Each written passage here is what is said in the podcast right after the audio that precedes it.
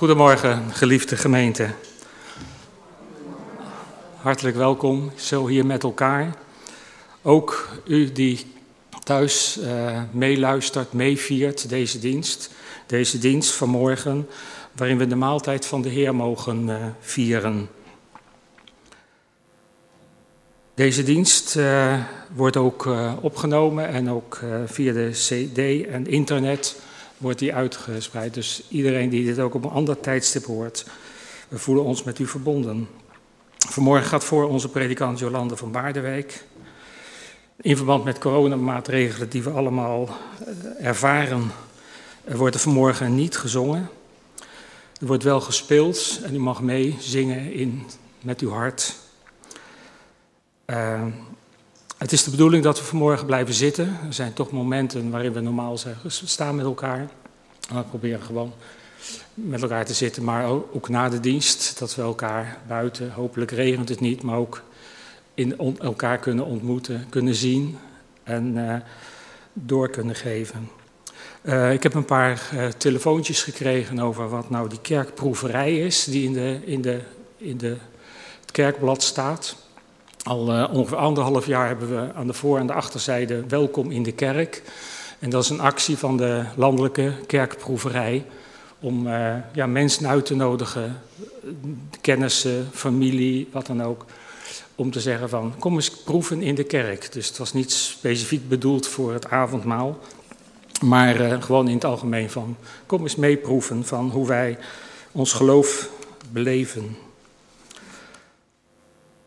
Wij gaan uh, niet zingen, maar we gaan wel luisteren, meeluisteren naar uh, lied 975. Jezus roept hier mensen samen. Ik wens je namens de kerkraad een gezegende dienst.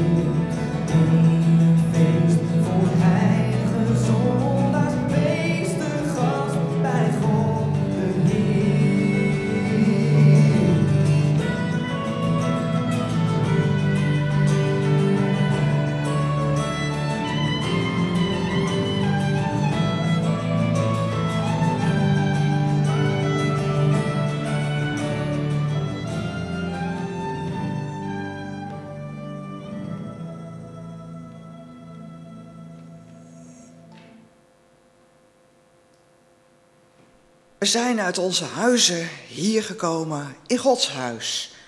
Uit onze drukte, ons jachtige bestaan, deze gekke, toch wel wat gestoorde wereld op het moment waarin heel veel prikkels op ons afkomen. En nu weer nieuwe regels. Je zou er toch tureluurs van worden. Maar in dat alles, in deze onrust, zoeken wij God. En samen zeggen we dan ook: er is voor ons allemaal goedheid, vergeving voor God, onze Vader, onze Schepper, die ons bewaart door alles heen. Die trouw is en trouw blijft, wat er ook mogen gebeuren, die nooit zijn handen onder onze wereld zal laten gaan. En die God groet u en jou. Zo zijn we samen. En wij gaan ons hart eigenlijk weer naar God verheffen met het lied Bless the Lord, my soul. Eigenlijk Psalm 103, zegen de Heer, mijn ziel. En dat is uh, zang uit het voorjaar, hier opgenomen in de eerste coronagolf.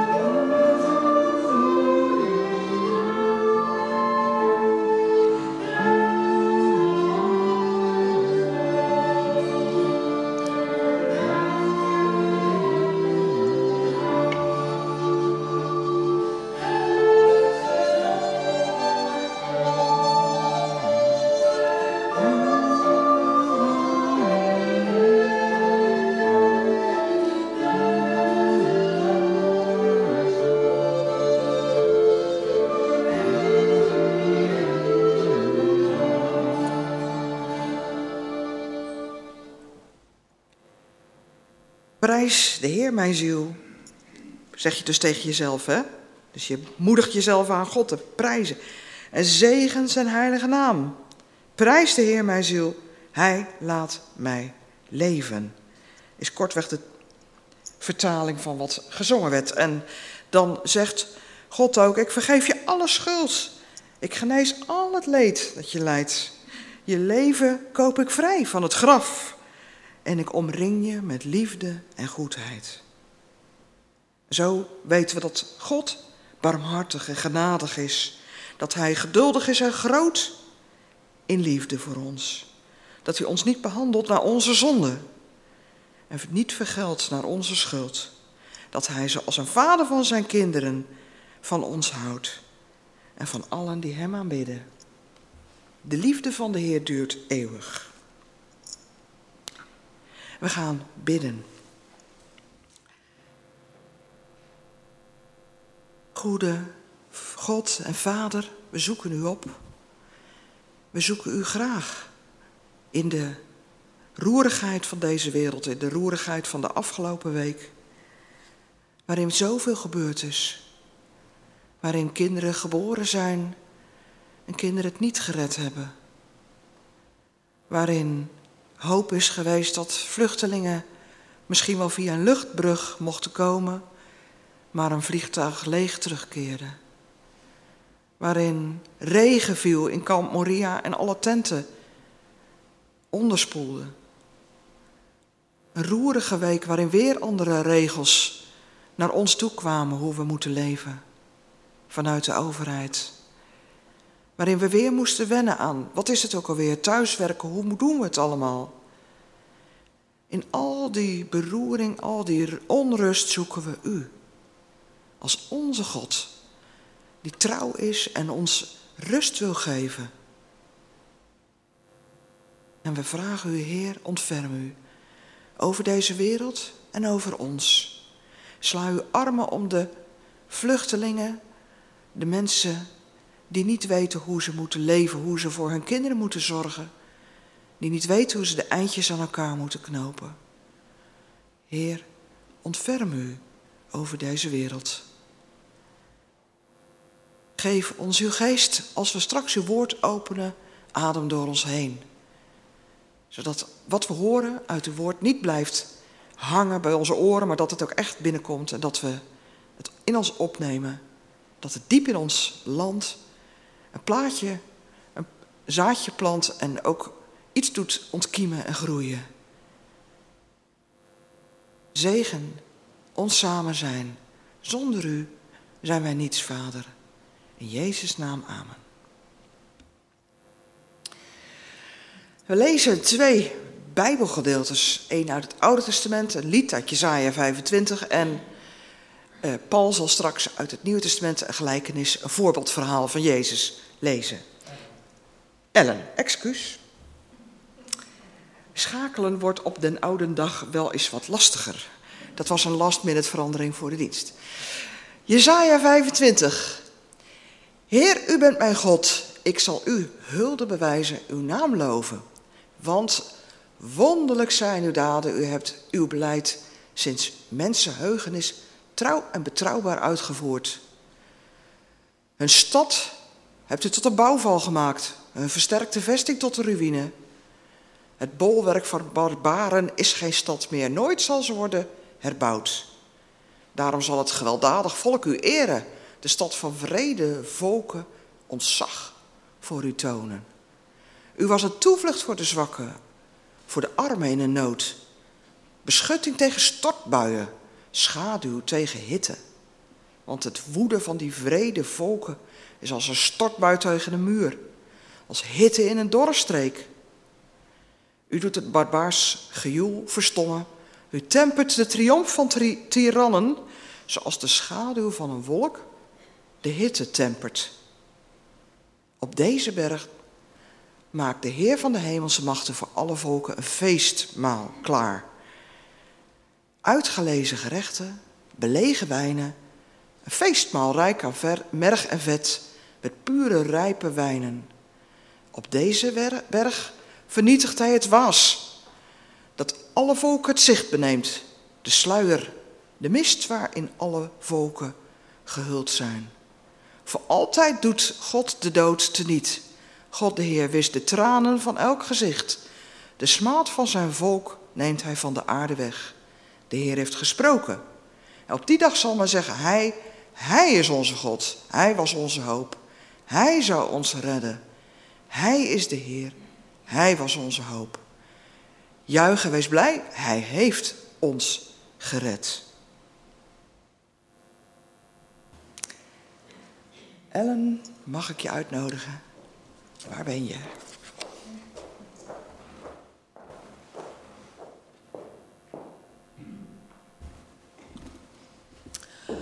Daarop vertelde Jezus hen opnieuw een gelijkenis. Het is met het koninkrijk van de hemel als met een koning die een bruiloftsfeest gaf voor zijn zoon. Hij stuurde zijn dienaren erop uit om de bruiloftsgasten uit te nodigen, maar die wilden niet komen. Daarna stuurde hij andere dienaren op pad met de opdracht: Zeg tegen de genodigden: Ik heb een feestmaal bereid. Ik heb mijn stieren en het mestvee laten slachten. Alles staat klaar. Kom dus naar de bruiloft. Maar ze negeerden hen en vertrokken. De een naar zijn akker, de ander naar zijn handel. En de overigen namen zijn dienaren gevangen, mishandelden en doodden hen.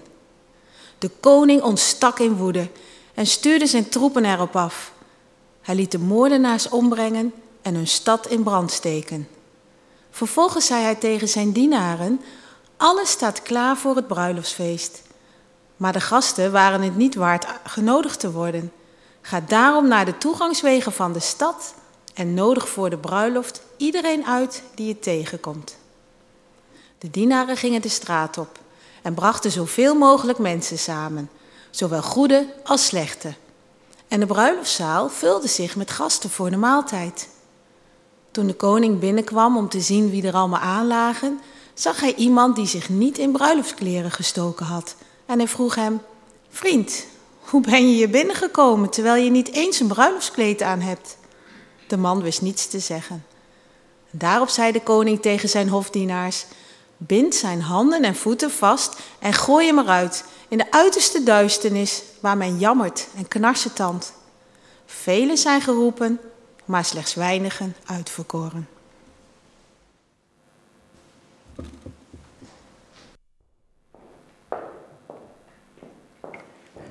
Dank je voor het lezen. Het is fijn als je een uh, multifunctionele poster hebt hè, die zo mooi kan lezen. Ik heb ook het uh, vermoeden dat je dit in het dagelijks leven vaker doet. Uh, mooie verhalen voorlezen.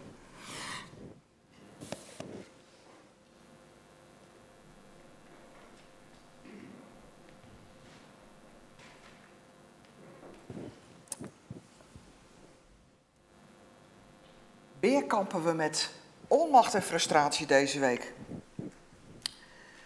De, degene die een beetje aan de macht lijkt, corona, is niet een bepaald democratisch gekozen heerser. Tenminste, ik geloof niet dat iemand van ons daarop gestemd heeft. Maar we moeten het ermee doen. En ik zou kunnen uitweiden over hoe we allemaal onder de plak zitten, maar daar heb ik helemaal geen zin in. Ik ben er eigenlijk helemaal klaar mee. Maar ja, dat zeggen we wel eens vaker van allerlei heersers in deze wereld. Ik ben helemaal klaar met die gast. Hij zal toch niet weer voor vier jaar herkozen worden? En ja, toch moeten we het ermee doen. Want er zitten er nog een aantal op het plus. En die krijgen we zomaar niet weg. Erdogan, Poetin, Trump, Bolsonaro, noem ze maar op. En juist nu, in deze frustrerende tijd, lezen we dan daarom is Jezaja 25. Een lied. Dat kunnen we niet zien in onze tekst, maar het is een lied. We mogen het ook niet eens zingen. Nou ja, normaal zouden we ook zeggen, doe dat dan maar eens eventjes. Zo makkelijk is dat niet. Maar het is een lied. En in de Hebreeuwse tekst en in sommige Bijbeluitgaves kan je dan ook zien dat het als een lied is afgedrukt. Het is een bemoedigend lied. Het is eigenlijk een lied wat ons een wensdroom laat zien. En het is ook een danklied. En een loflied op God. Want God wordt gedankt voor de overwinning op allerlei tirannen, despoten, op vrede en gewelddadige volken. Is dat reëel? Is dat toen gebeurd? Nou, volgens mij lag toen Nebukadnezar met een groot leger voor de poorten van Jeruzalem. En ook nu zeggen we, is dat reëel? Gaat het ooit komen, dat moment dat die tirannen allemaal weg zijn? Maar tegelijk is het ook een loflied op Gods hulp die hij geeft aan mensen die eigenlijk niet voor zichzelf kunnen opkomen, voor de zwakken. De mensen die niet iets hebben, geen geld of macht of aan de zijlijn staan in de wereld, omdat er op hen neergekeken wordt. Dat kunnen kinderen zijn die je letterlijk over het hoofd ziet omdat ze kleiner zijn. Of vrouwen, of dat kunnen mensen uit een lagere stand of kasten zijn. Mensen die niks in de melk te brokkelen hebben. En dat zou wat zijn, hè? Als we dan Jezaja's lied zo lezen en denken, konden we dat moment meemaken? Zou dat ooit in ons leven gebeuren, dat we meemaken dat er zulke tirannen niet aan de macht zijn? En dat we zien dat echt er naar alle kwetsbare mensen wordt omgekeken in de samenleving? Zouden we, we kunnen het ons niet eens voorstellen, maar stel dat dat vliegtuig nou deze week van Kamp Moria, Lesbos, hier was geland en dat actieteam van we gaan ze halen succes had gehad. Stel je voor dat daar op Schiphol nou 190 vluchtelingen waren uitgestapt. En, en daar had een welkomstcomité gestaan en ze hadden een randje door Nederland gemaakt langs allemaal mooie plekjes in Nederland. En natuurlijk Madurodam. Ja, die mensen moeten eerst lekker eten natuurlijk. Maar goed, dan wil je ze ook trakteren op een mooie rondleiding door ons prachtige land. Ah, als dat toch was gebeurd. Dat zou toch een feest zijn geweest. En degene die dat gelukt was, die hadden we wel een medaille op de borst willen spelden. Maar ja, in Jezaja's tijd lag daar die Assad, oh nee, het was Nebukadnezar, voor de poort van Jeruzalem. Of Erdogan. Nou ja, zeg maar eh, de tirannen van toen. En nu is het niet anders. Het is nu eenmaal nu nog niet zo ver. En daarom mogen we er wel van dromen en een voorproefje van meemaken. En Jesaja zingt eigenlijk dat als dat moment aanbreekt dat die heersers niet meer aan de macht zijn, dat we eindelijk naar de zwaksten, de mensen die letterlijk weggespoeld worden van een luchtbedje in een idioot dun tentje, dat God dan een feestmaal aanricht. Ja, dat is dan ook terecht. En dat feest zou ik wel willen meemaken. Daar zou ik wel bij willen zijn. Als je dan leest hoe dat feest toegaat, dan is dat voor een Bourgondisch ingesteld persoon als ik ook niet mis. Daar zou ik wel bij willen zijn. Straks even wat over de gerechten. Maar we lezen ook, het valt ook op dat er, misschien kunnen we de tekst nog even zien Johannes, dat het een maaltijd met onthullingen is. Een soort surprise party. Want er zal het een en ander, kijk daar staat het. Nee, dat, dat vers van 7. Daar ontneemt, haalt God de sluier van de volken weg, van iedereen die daar aan tafel zit. Nou, zou, wat zou dat nou betekenen? Dat we dan ineens zien hoe het in elkaar zit. Zou het dan duidelijk zijn waar, uh, wie er met al die complottheorie nou aan het rechte eind had? Wie er gelijk had? Wie de schuld had van corona? Chinezen in een laboratorium? De Joden misschien? De homo's, zeggen weer anderen. Koreanen met 5G? Wordt dat onthuld aan die tafel? Of nog een andere boosdoener? Zou er onthuld worden, vraag je af. Het klinkt eigenlijk zoals Jezaja beschrijft als een mist die over de wereld hangt. Ook daarover zo meer. Maar bij die maaltijd, even naar vers 8 ook en 9, dan zien we dat God alle dood voorgoed afschaft, teniet doet. Dat hij alle tranen van de gezichten van mensen aan tafel afwist. Ieder zal dan vol zijn van hoop en blijheid en eigenlijk komt dat lied, wat Jezaja net al van zong, dan bij iedereen vanzelf wel naar boven. Het is alleen al te mooi om waar te zijn dat je aan dat feestmaal niet meer op anderhalve meter afstand van elkaar hoeft te zitten. Dat je gewoon gezellig kan zeggen van, leuk hè, fijn, gezellig. Knus om weer echt naast elkaar te zitten. En dat kun je je nu dus even niet voorstellen. Maar zoiets gewoons zullen we dan weer meemaken. En dat vindt plaats op een berg, lazen we. Zo'n hoge plek, hoge gelegen plek, dat is altijd in de Bijbel een, een teken dat, dat je God ontmoet. En hier is het ook een verwijzing naar de berg Sinaï. Daar heeft God het koningschap over Israël op zich genomen. Dat lazen we in Exodus 19, want daar, dat is vlak voordat we lezen dat Mozes dan met de twee stenen tafels van de berg komt. Hè, u kent het verhaal. Maar daar komen ook aardbevingen en, en natuurgeweld onweer aan te pas. Heel indrukwekkende gebeurtenissen. En dat is eigenlijk dan het opmaatje dat God het koningschap aanvaardt. En dat klinkt misschien als een koning die mensen bang maakt. Want ja, hij heeft dus wel iets om indruk mee te maken als je met bliksem kan slingeren of aardbevingen kunt inzetten. En daar zitten we liever niet in, in een onweer of in een aardbeving tenslotte. Dus dan vraag je af, wat is dat voor een God? En bedoeld is wel dat we onder de indruk raken van de schepping en van God als schepper, maar niet dat we er bang van worden. En onder de indruk is echt wat anders. Hè? In het woord vrezen zit het allebei, het ouderwetse woord vrezen. Ontzag hebben voor die machtige God. En daar hoef je echt niet bang voor te zijn als je God echt kent. Ik zie dat bij jongeren ook nu, eh, maar dat is eigenlijk denk ik altijd zo geweest, dat ze niet zo goed een plaatje hebben bij God als persoon. Maar dat als ze gaan backpacken, hè, dat doen ze graag, of uh, iets, iets moois bezoeken, een ver ander land, een ja, roadtrip maken, uh, naar, naar Nieuw-Zeeland bijvoorbeeld. Dat ze helemaal onder de indruk terugkomen van de bergen in Nieuw-Zeeland, of de fjorden en het noorderlicht in Noorwegen, of de, de Alpen, niet zo ver weg dan, of de watervallen van Foz do Iguaçu in Brazilië of de Niagara Falls. En dan, dan moet je eens horen hoe, hoe uitbundig ze dan zijn. En eigenlijk hebben ze dan God ontmoet, maar ze weten het niet. Want God heeft zich voor hen als het ware nog vermomd. De schepping is zijn jas, zijn bekleding. Maar wat als God die jas uittrekt en zich echt laat zien? En op de Sinaï, op een berg, heeft God dat koningschap op zich genomen en tien regels voor gezond samenleven, geen RIVM, maar wel gezonde regels, meegegeven. Hoe je met God en met elkaar kunt omgaan, moet omgaan om gezond te blijven. Dan kun je als Gods troonrede zien, of bergrede. En de hele Torah, die vijf boeken als de grondwet. Of Gods koninkrijk. En dan belooft God bescherming en trouw vraagt hij aan ons. Hij zal zijn handen over ons uitstrekken en wij worden gevraagd hem trouw te zijn. Het is dus iets van een onderdanigheidsrelatie, want dat heb je met een koning, maar ook een liefdesrelatie.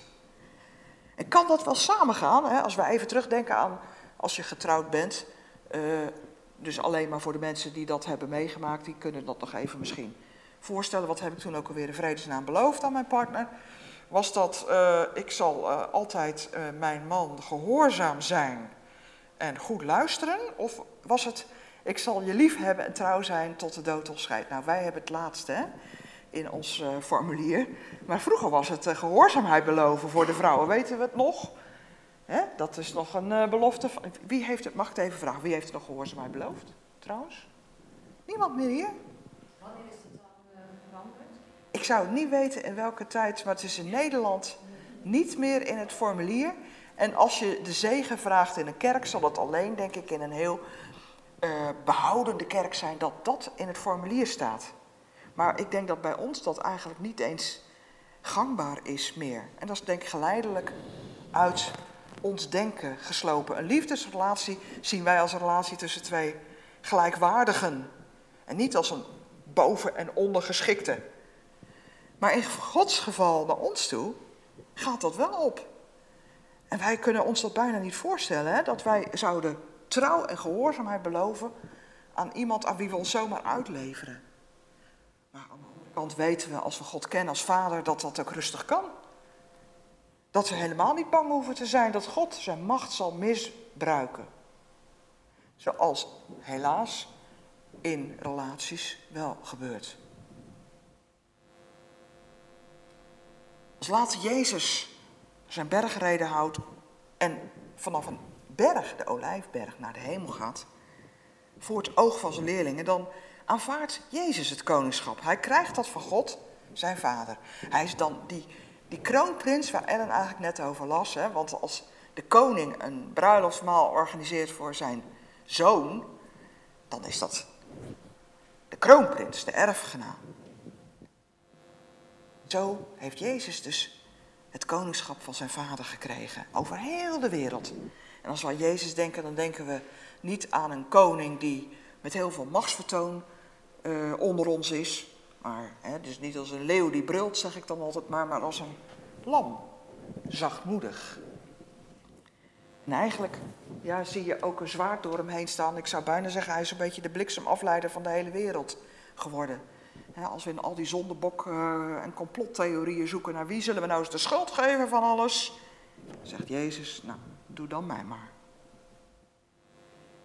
Zowel Jezaja als in Jezus voorbeeldverhaal lezen we dus over een maaltijd, een feestmaaltijd. En daar worden we allemaal voor uitgenodigd. Maar in het verhaal van Jezus zeggen alle genodigden, nou, sorry, geen tijd. Ik heb net een eh, huis gekocht of uh, net een nieuwe auto. Het is een Tesla. Sorry, ik moet even uitproberen of die echt uh, doet wat er in het boekje staat. En nee, geen, lukt niet. Nee, hier is de uitnodiging terug. Nee, het zit er niet in. En anderen gaan zelfs zo ver dat ze zeggen: je bij mijn deur, aan mijn deur wordt niet gekocht. En bekeerd zijn we ook al. Zout op. En die mensen die aan die deur staan met de uitnodiging worden zelfs van de deur weggeranseld. En de koning is zo boos over alle onwaardige reacties Dat hij uiteindelijk maar iedereen die wel wil komen uitnodigt. Haal ze maar van de hoeken van de straten, al zijn het bedelaars. Het maakt niet uit, iedereen die wel wil komen is van harte welkom. We zijn allemaal uitgenodigd. Maar willen we ook allemaal komen? Dat is de grote vraag. In dat verhaal van Jezus. Er is een lied dat zegt: Kom als je honger hebt of dorst. Hier kun je eten.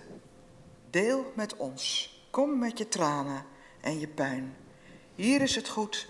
Hier mag je zijn. Met open armen word je ontvangen. Deze uitnodiging geldt eigenlijk voor ons elke zondag. Elke ontmoeting hier met elkaar in de kapel. Of thuis. Realiseren we ons dat ook? Realiseer je dat? Of zit je nog in de mist? Dat het niet doordringt? Maar wijs ik nog naar één ander verhaal uit de Bijbel, wat ik dan heel mooi vind in dit, verhaal, in dit verband. Die twee mannen uit Emmaus die uit Jeruzalem terugkeren. Helemaal somber, helemaal verdrietig. Jezus gekruisigd, dood. En er komt een man naast hen meelopen en zegt, waar hebben jullie toch steeds over? Nou, lang gesprek. Heb je er niks meegekregen? Lees je de krant niet? Weet je het dan niet van Jezus? Dat hij gekruisigd is, is dood. En we hadden nog wel zoveel hoop op hem. Uiteindelijk belanden ze in Emmaus, thuis, aan tafel. En ze zeggen tegen hun gast, wil jij soms het brood breken? Hij breekt het brood en ineens zien ze de wonden in zijn handen. Ineens vallen de schellen van hun ogen, die mist trekt op. Alles is al klaar. Het is volbracht. En daar gaat Jezaja's dank en loflied eigenlijk over. En dat zien we eigenlijk al. Alles staat al klaar. Het wijn, de wijn en het brood, de druivensap, alles staat al klaar. Toen we binnenkwamen was het al klaar. Dat is symbolisch, want de diaken hebben dat gedaan. Maar zo is het met God. Alles staat al klaar voor ons. Maar komen we? En zien we wel wie ons uitnodigt? Met de wonden in de handen. Jezaja's lied is de eerste regel. Misschien kunnen we het nog één keertje zien, eh, Johannes. Dat we God beleiden. U bent mijn God. Nou, dat is dat beleiden, dat wil zeggen, kun je het meezeggen? Kunnen we het allemaal hardop meezeggen? Soms zingen we het in de kapel met avondmaal.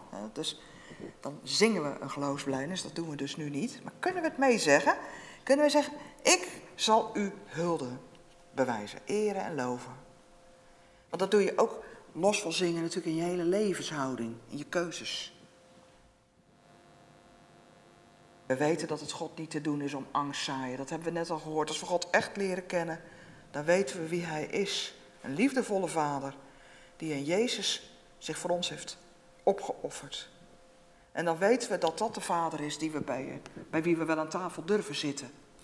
Dat het niet een koning is waarvan we, waarvoor we bang hoeven zijn, moeten zijn, maar een vader. En dan is samen eten iets heel knus en intiems. Als die mist van onze ogen afvalt, dan weten we. Ja. We zagen eigenlijk niet goed wie hij was. En wat die mist ook is, misschien waren het wel tranen in onze ogen. Door zoveel onrecht in deze wereld, zoveel teleurstelling die we moesten verstouwen, zoveel verraad dat we mee moesten maken. En zo vaak dat we ons geen raad wisten van eenzaamheid of pijn. En door al die tranen zagen we dan niet meer dat hij al die tijd al met ons meeging of met ons aan tafel zat. Geen brulboei is, maar een bescheiden luisteraar, een gentleman. Dat wat hij op tafel zet voor ons ook echt het beste van het beste is van de hele schepping. Het lekkerste, het meest pure, het meest gerijpte. En als we dan zeggen dat wij zometeen het brood breken en dat dat Jezus lichaam is, dan willen we natuurlijk, wil dat niet zeggen dat we Jezus eten. Het is niet letterlijk, het is een symbool, het is een verwijzing. We zijn geen bijgelovige mensen, we geloven niet in een mythe dat we Jezus eten of dat ergens halverwege dat brood in zijn lichaam verandert. Nee. We Geloven dat Jezus ons alles wil geven. Zoals zijn vader ons alles op tafel wil zetten van zijn geweldige schepping. Het is niet maar voor een elite. Het is niet dat één van ons gaat eten. Nee, we eten allemaal. Want God zegt, ieder is welkom aan tafel. Ook als je arm, kwetsbaar. Ook als je niks hebt. Ook als je denkt, ik hoor er niet bij. Je bent juist genodigd. En als jij komt, dan is het juist voor jou. En dan blijkt als je gaat zitten op je plekje, dat je naam al op het naambordje stond. God had al lang op je gerekend. Iedereen. En dat lied, dat gaan we zo ook luisteren. Voor ieder van ons is een plek aan de tafel. Doe is niet om dronken te worden, of dat je wat partypillen neemt, of op een andere manier hier stoned zit, want dan is er weer een nieuwe mist. Nee, het doel is dat God bij ons kan komen en ons kan raken en die mist kan weghalen van ons. Wat ons ook allemaal als spinnenwebben in de weg zit en aan zorgen en dan weet ik wat ons bezighoudt. Gods feest is voor één keer en voor goed en ons samen eten. Nu is daar een knipoog naar. De troost dat eens al onze tranen van onze ogen gewist worden. En dat we voor goed helder en duidelijk, alsof we aan alle oogoperaties geopereerd zijn, die je maar kan bedenken, zullen zien met wie we al die tijd al aan tafel zaten. Dat Jezus zegt, ik was het al die tijd. Ik ben het, de koning. Dan zal ieder hem zien, ook zij die hem hebben doorstoken. Hoe dat toegaat weten we niet. Want dan is het in voor iedereen glashelder. Dan is iedereen ontnuchterd. Zijn wij daar nu al open voor, om ook straks voorgoed bij Hem aan tafel te zijn? Dan nodig ik je nu uit om samen te eten en te drinken.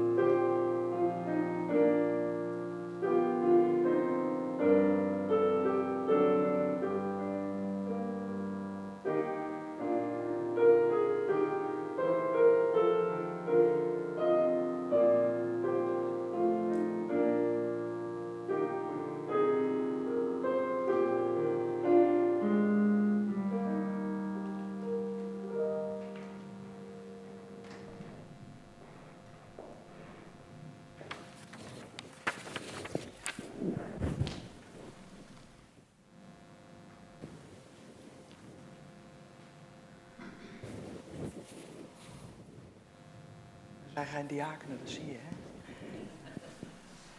Wat zeg je, Paula? Mag ik nog even wat zeggen? Ja. Uh, ja, ik mag niet lopen. Oh, je mag niet lopen van de dokter. Oké. Uh, twee glazen op de tafel waar een klein druivenvorstje bij ligt, dat is druivensap. Iedereen het kunnen verstaan? Waar de druifjes liggen, dat is druivensap.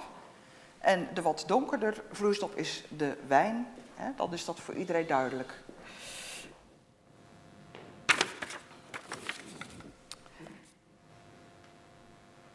We gehoord hebben dat God onze koning en gastheer is aan tafel, gaan we de maaltijd vieren. En in dat avondmaal denken we terug aan hoe onze Heer en Heiland Jezus Christus in onze wereld is gekomen om ons te verlossen. We vieren dit omdat we daar blij mee zijn. En we denken terug hoe Hij geleefd heeft voor anderen, zonder voorbehoud, hoe Hij alles heeft gegeven. Voor ons gestorven, begraven, op de derde dag opgestaan. Nieuw leven heeft hij gebracht. Verzoening voor alle mensen, overal ter wereld. Voor ieder die gebukt gaat onder zonde en dood.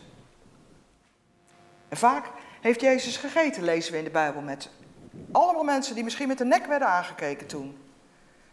Belastingontvangers, mensen met blauwe enveloppen, prostituees, met andere mensen die, die misschien besmet met iets waren, in ieder geval meelaatsheid, zomaar binnen de anderhalve meter. Met iedereen deelde hij zijn leven. En ook met zijn vrienden op die laatste avond, toen hij Pesachmaal met hen vierde. En hij vroeg en hij stelde in, blijf dit nu altijd vieren tot ik terugkom. Blijf mij trouw, eigenlijk. Hij heeft zichzelf gegeven als brood voor de wereld. Aan ons allemaal heeft hij opdracht gegeven om dat te blijven voortzetten. Daarom zitten wij hier. Het is 19 januari de laatste keer geweest dat we hier in de kapel samen de maaltijd hebben kunnen vieren. Er is drie kwart jaar voorbij. We moeten niet vergeten hoe we dat doen. Daarom zijn wij hier. Ook voor de anderen. En hij nodigt ons uit, hier en nu, samen met wie waar, maar wil aanzitten. In het koninkrijk van God, waar ook ter wereld. Want ook op dit moment worden er in allerlei andere landen, in andere talen, wordt de maaltijd gevierd. En de mis gevierd. Laten we dus delen in dat feest. Sla zijn uitnodiging niet af. Het is wel de koning die je uitnodigt. En laten we samen bidden voor de maaltijd op tafel. Gezegende God, alles wat we hebben en krijgen komt uit uw hand. Alles waarop we hopen, doet u ons toekomen. Van u is de toekomst. Alles waarover wij blij zijn, is ons door gegeven. Alles wat we vragen. U zult erin voorzien, dat vertrouwen wij. En daarom danken we u voor uw zorg en liefde, Heer. Amen. En wij luisteren naar dat prachtige lied. Voor ieder van ons een plaats aan de tafel.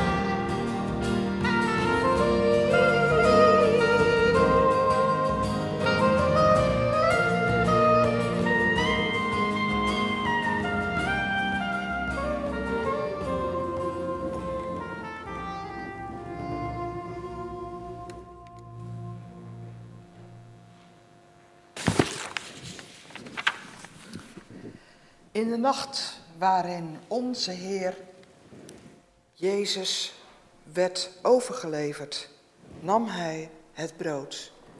Hij brak het en hij zei, dit is mijn lichaam. Het is voor jullie verbroken. Neem dus, eet ervan en denk eraan terug. Vergeet mij nooit, hou de herinnering aan mijn levend en deel die uit. Neem dus allemaal een stukje brood, dan eten wij samen.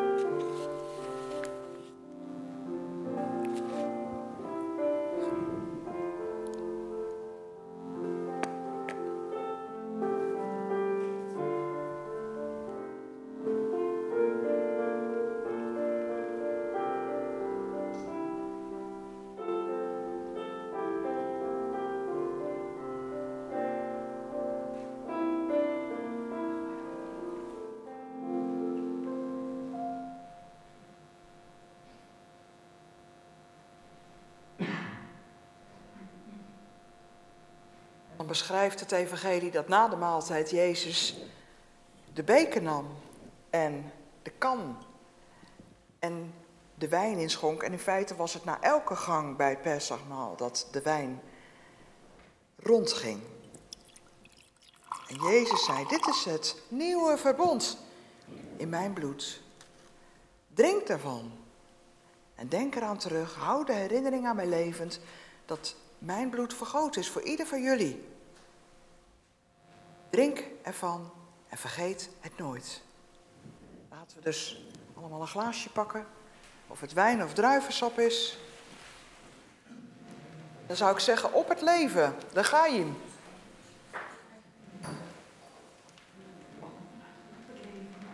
Op het leven, ja.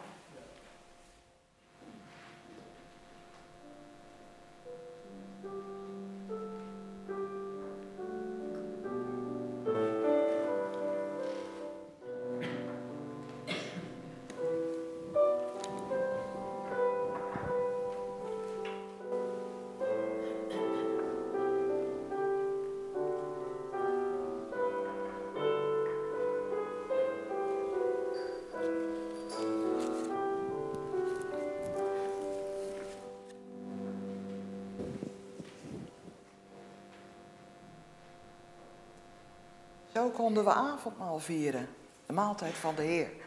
Anders dan anders, maar eigenlijk helemaal goed. Ik vond het geweldig.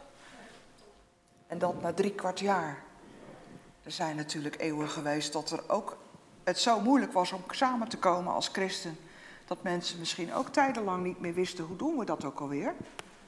En dan moest het ook weer bedacht worden. Maar nu kunnen we creatief zijn in het spoor van onze schepper.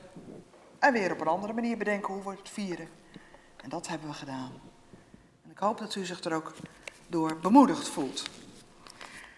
Wij gaan God danken. En bij de voorbeden die gevraagd zijn, aangevraagd, daar zijn een paar eh, ernstige uh, dingen waar ik uw aandacht voor vraag. Wij gaan namelijk bidden voor de familie Spielen. Want afgelopen week is de kleindochter van Henk en Nancy Spielen geboren, de dochter van Lineke en Wouter. Maar helaas bij de geboorte overleden. En de crematie is morgen, maandag 12 oktober. We zullen daarom even een moment daar stil bij zijn, luisteren naar het spel van het lied wat hier in onze gemeente bijhoort. En dan de, gemeen, eh, de familie Spielen ook opdragen in gebed aan God. Zullen we even de naam noemen?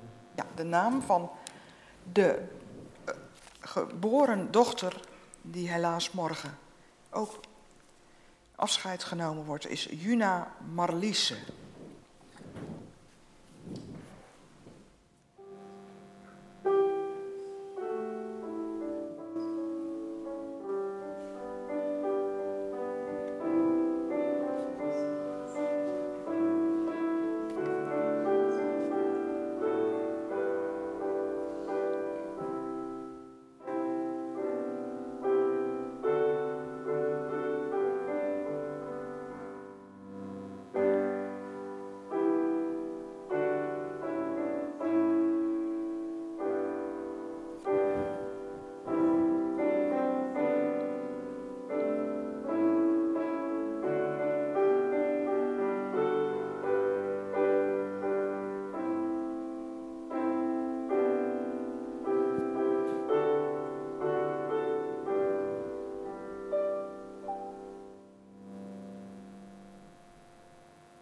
Dan is er voorbeden gevraagd voor de mensen op Lesbos die vastzitten in, nog steeds in een kamp, in een tweede Moria, in een situatie die onbeschrijfelijk uh, is, want ze zitten daar op het meest slechte plekje van het eiland, op vervuilde, uh, chemisch vervuilde grond. De tenten hebben geen bodems en de regen spoelt er zo doorheen. Er zijn daar ook mensen die corona hebben, die zijn wel apart gezet. Het kamp gaat langzamerhand op slot. Het wordt langzamerhand een detentiekamp. Of ja, met een nog erger woord een concentratiekamp. Want de mensen worden daarin ja, eigenlijk uh, bij elkaar gehouden. En er is tot nu toe nog geen toekomst voor hen. We willen voor hen bidden. En we bidden, is ook voorbeden voor gevraagd voor Thea Rang. En Thea woont op het uh, uh, terrein van Tuvine, maar ik weet even de naam van de flat niet. Tuvine Park. Tuvine Park? Parkflat. En daar, um, ja, zij worstelt met heel wat gezondheidsproblemen en elke keer komt er weer iets bij. En dat is toch heel veel. En zij blijft heel wel opgewekt, maar goed misschien om, behalve voor haar te bidden, ook aan haar te denken met misschien een kaartje of zo. Of eens een keer een post bloemen als gemeente. Dat is voor de volgende keer. We zullen met elkaar danken en bidden. Dank u wel, Vader, Koning, Goede God, Trouwe God, dat we bij u aan tafel mochten zitten. Dat u zo bescheiden in ons midden bent, dat we met onze gewone ogen u niet eens zien, langs u heen kijken, over u heen kijken. Misschien wel met de nek aankijken, maar dat u in ons midden bent geweest en gezegd hebt, hier ben ik. Ik zal het dragen. Ik zal het voor jullie dragen. Het is volbracht. Het is gedaan. Alles is klaar. Daar danken we u voor. We u voor het grote uitzicht op de maaltijd ooit. Dat we allemaal binnen anderhalve meter samen aan tafel kunnen gaan. Met alle mensen die we ook nu niet zien, maar die er wel zijn, die of wel avondmaal vieren op dit moment, of wel niet, of die misschien in het tentje in de blubber zitten. Heer, wij denken u aan al die mensen die niet eens weten hoe ze aan eten moeten komen. We vragen u zorg voor de vluchtelingen in Moria 2. Waar onze handen tekortschieten, wij falen. Wilt u hen niet falen? Wilt u hun rots zijn? Ook al kiezen zij niet en hebben ze niet de keus om te kiezen waar ze hun huis op bouwen. Wees met hen in machteloosheid. Vader, wij vragen uw nabijheid en troost voor de familie Spielen, voor de mensen die in tranen in de rouw gedompeld zijn nu. Wilt u hen dragen naar het afscheid en ook daar voorbij, want het houdt niet op na morgen. Wilt u de hoop die er was en de geweldige droom van weer een nieuw leven in deze wereld die in de kiem gesmoord is nu, wilt u de droom toch in hun levend houden, dat u een God van leven bent en ook dit kleine meisje zult opwekken. Ooit. Uw dag. En we bidden u voor Thea Rang, die te maken heeft met steeds meer andere gezondheidsklachten. Die maken dat ze opgenomen moet worden en behandeld. En die ja, steeds weer een aanslag doen op haar goede moed. Wilt u geven dat wij ook als gemeente om haar heen kunnen staan en haar kunnen bemoedigen. Heer, hoor onze gebeden en in stilte leggen we u ook voor wat, wat en wie niet genoemd zijn.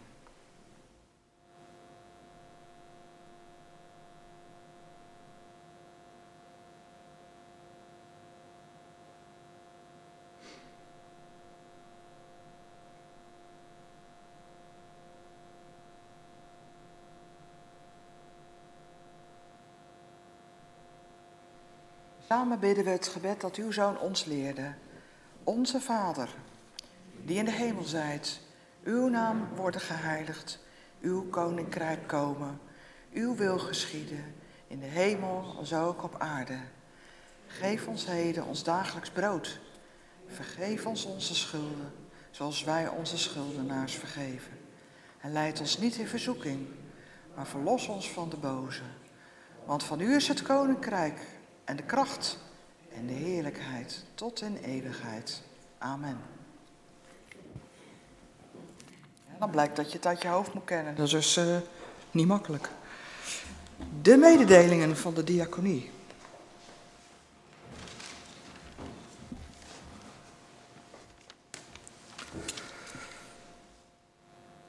Allereerst. Uh, um, ik sta hier nu en Don den Hoed die, uh, die is uh, gestrand ergens in Zweden. En vandaar dat hij niet hier kon zijn. Hij stond nog wel aangemeld, maar ik mag hem gelukkig vervangen.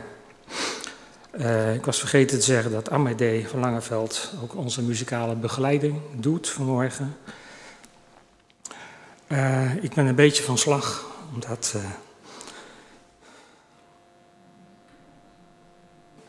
ik het heel erg vind van Juna.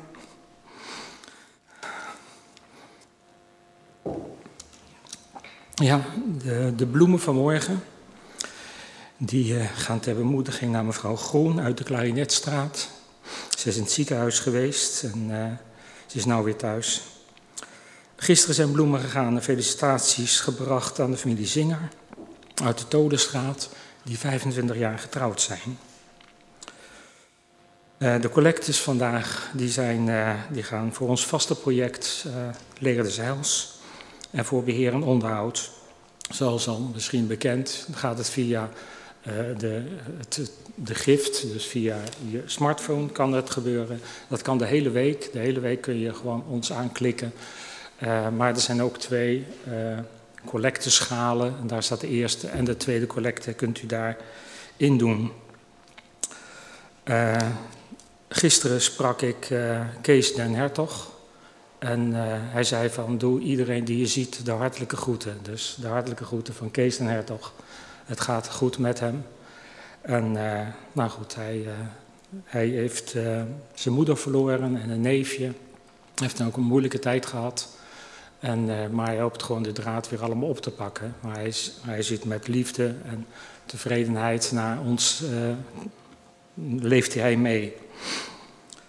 Uh, nou ja, daarnaast heb ik ook net gehoord dat uh, de familie van Annemieke Kok allemaal thuis liggen met corona. En dus, wat? Het gaat wel goed, maar ik bedoel van het is, uh, ja, het, het, is echt, is het onder ons. We doen soms een beetje, ja, toch van onzeker, zo van hoe moeten we nou met elkaar omgaan. Maar ik denk dat het heel belangrijk is gewoon om deze afspraken die we hier hebben, om die ook zo zo te houden en elkaar te respecteren en elkaar te gunnen om uh, elkaar ruimte te geven. Dus de collecte, die kun je straks na afloop kun je doen en de rest van de week. Dankjewel.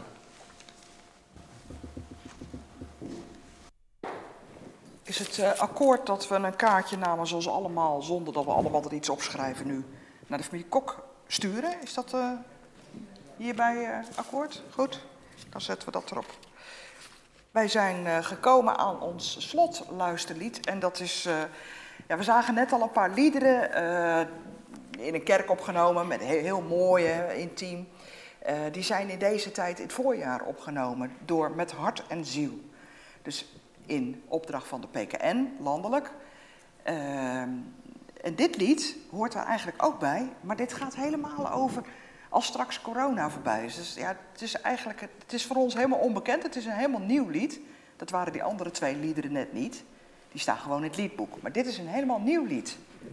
Dus dit is ons slotluisterlied.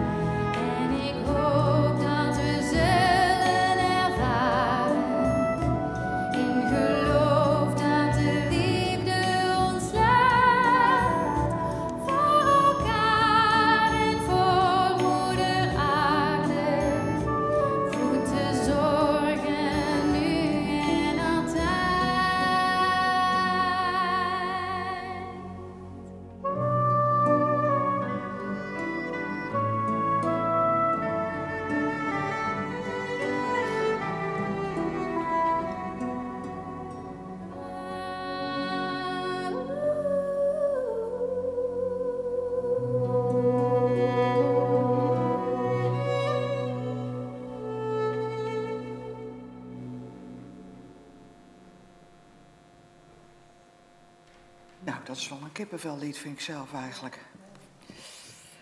Ja, we mogen de zegen van God meenemen en dat is eigenlijk onze paraplu in regen en onze, nou, hoe zullen we het zeggen? Zonnepanelen om ons te voorzien van energie. Dus neem die zegen mee, sla hem op en leef daarvan deze week. Mogen de Heere God je zegenen en je beschermen. Mogen de Heer het licht van zijn gezicht over je doen stralen en je genadig zijn. En mogen de Heer zijn gezicht naar je toewenden en je vrede geven. Amen. Fijne zondag.